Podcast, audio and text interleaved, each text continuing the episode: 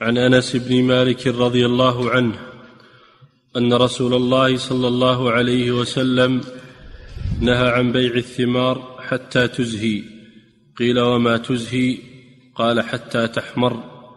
قال رأيت إذا منع الله الثمرة بما يستحل أحدكم مال أخيه؟ هذا الحديث يفسر الحديث الذي قبله.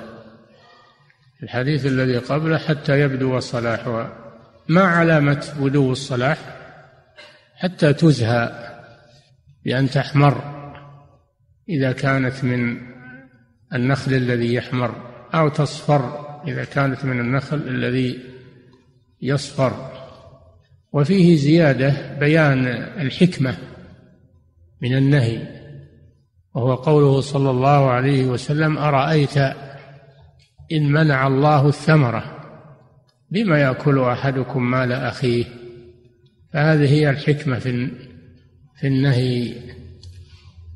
أنها خوف أن يصيب الثمرة ما يمنعها من الآفات يصيبها من الآفات ما يمنعها من انتفاع المشتري بها. فيكون الثمن ليس له مقابل. فدل على أنها لو أصيبت فإن الثمن ليس للبايع وإنما يرجع للمشتري. فإن أخذه البائع فهو أخذ بغير حق. نعم. وعن عبد الله بن عباس. يعني الحديث أحسن الله إليك.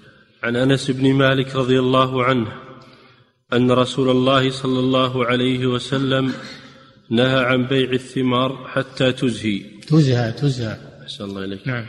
حتى تزهى. قيل وما تزهى؟ قال حتى تحمر. قال أرأيت إذا إذا منع الله الثمرة؟ قال أي النبي صلى الله عليه وسلم. نعم. أحسن الله إليك. قال أرأيت إذا منع الله الثمرة؟ بما يستحل أحدكم مال أخيه؟ أي نعم. دل على أنه لو منع الله الثمرة فإن الثمن حرام على البائع يجب عليه أن يرده على المشتري. نعم.